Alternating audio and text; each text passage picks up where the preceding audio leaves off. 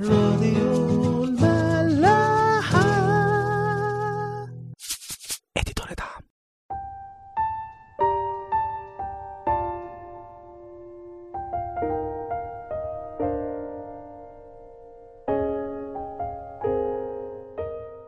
مساء الخير واهلا بيكم في حلقة جديدة من عيش وملح. امبارح اتكلمنا على شعب إسرائيل لما راح لجدعون بعد هزيمة مديان وكانوا عايزين ينصبوه ملك عليهم.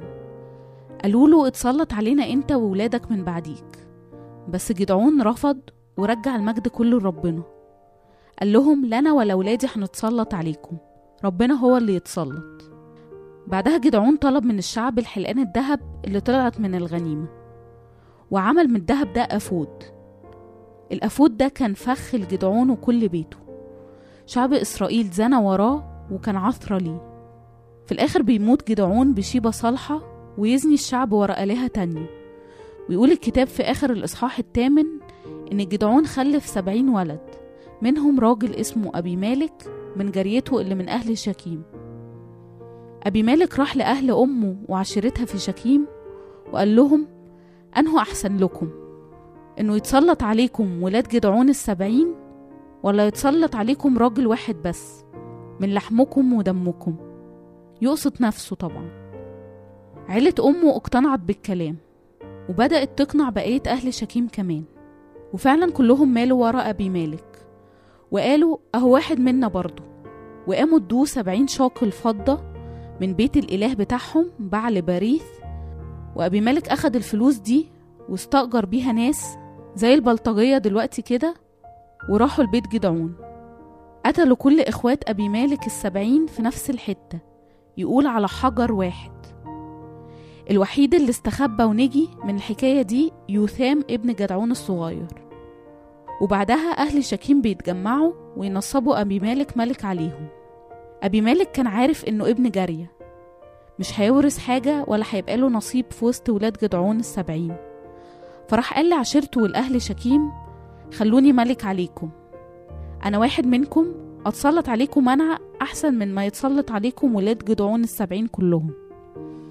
مع إن جدعون نفسه رفض موضوع السلطة والملك ده وقال لكل الشعب إن ربنا هو اللي هيتسلط عليكم مش أنا ولا نسلي من بعدي لكن أبي مالك عشان يبرر شهوته للسلطة وإنه يبقى ملك خوف عشيرة أمه وكل أهل شكيم من حاجة مش موجودة فعلا. لو ما اخترتونيش هيجي سبعين واحد تاني ويملكوا عليكم. وللأسف أهل شكيم صدقوا ووافقوا ومشيوا وراه. مع إن معظم أهل شكيم دول كانوا من شعب إسرائيل من سبط إفرايم كتير قوي الشيطان عشان مصلحته بيبقى عامل زي أبي مالك كده. هو عارف إن هو ميت ميت ومش هيورث حاجة مع ولاد ربنا. كل اللي في باله واللي عاوزه هو إنه يعرف يملك ويتسلط علينا ويضمنا ليه. يقعد بكل الطرق يقنعنا ويقول لنا إن حياتكم مع ربنا هيبقى فيها قيود كتيرة. مش هتبقوا أحرار تعملوا اللي أنتوا عايزينه. اللي يعيش مع ربنا مش هيبقى سعيد ومش هيعرف يستمتع بحياته. وفي نفس الوقت اللي بيحاول فيه يخوفنا من العيشة مع ربنا بيبدأ يغرينا ويحللنا العيشة معاه. يقنعنا إن الحياة مع ربنا حياة مثالية قوي. ما ينفعش نعيشها. حياة تقيلة كلها وصايا وعهود والتزامات. زي ما أبي مالك هول الدنيا وقال لهم كده. معقولة يبقى عندكم سبعين واحد يملك عليكم؟ ويكمل إبليس ويقنعنا بإن هو أقرب للواقع. أبي مالك قال لهم إنه واحد منهم من لحمهم ودمهم. قال لهم أنا فاهم أنتوا عايزين إيه ومحتاجين لإيه. وإبليس بيعمل نفس الحكاية بيخاطب أجسادنا وشهواتنا وضعفنا البشري. يشككنا إنه ينفع إنسان في الوقت ده يعيش مقدس في ربنا. في وسط كل شهوات العالم والخطايا والظروف اللي حوالينا دي ما تخليش الشيطان يبقى أبي مالك بالنسبة لك. يضحك عليك ويوعدك بالحرية والحياة الظريفة معاه الحياة اللي ما فيهاش قيود ووصايا ويكون في الحقيقة بيسلسلك ويأيدك عشان يتسلط ويملك عليك. الحرية مش إنك تبقى حر تعمل الخطية. الحرية إنك تعرف تتغلب عليها وتبقى أقوى منها. عشان كده حياتنا مع المسيح هي اللي مليانة فعلا حرية ونصرة. حرية ونصرة على إنساننا العتيق اللي بيشدنا للموت. على كل ضعف وشهوة وخطية جوانا. هو ده مفهوم الحرية الصح. رسالة بطرس التانية إصحاح اتنين بيكلم الناس اللي بتمشي ورا شهوات أجسادها ويقول وعايدين إياهم بالحرية وهم أنفسهم عبيد الفساد لأن من انغلب منه أحد فهو له مستعبد أيضا. نرجع لقصة أبي مالك. أبي مالك بعد ما بيقنع أهل شكيم بأنهم يخلوه ملك عليهم بياخد الفضة اللي ادوها له من بيت الإله بتاعهم ويأجر ناس ويروحوا يقتلوا إخواته السبعين ما عدا يثام اللي بيستخبى منهم أبي مالك عشان يوصل للي هو عايزه قتل سبعين واحد. بالنسبة لي الهدف يبرر الوسيلة مهما كانت غلط. الشيطان لو شايفك محتاج ونفسك في حاجة قوي هيبدأ يلعب على الاحتياج ده ويبرر لك كمان أي وسيلة توصلك ليه.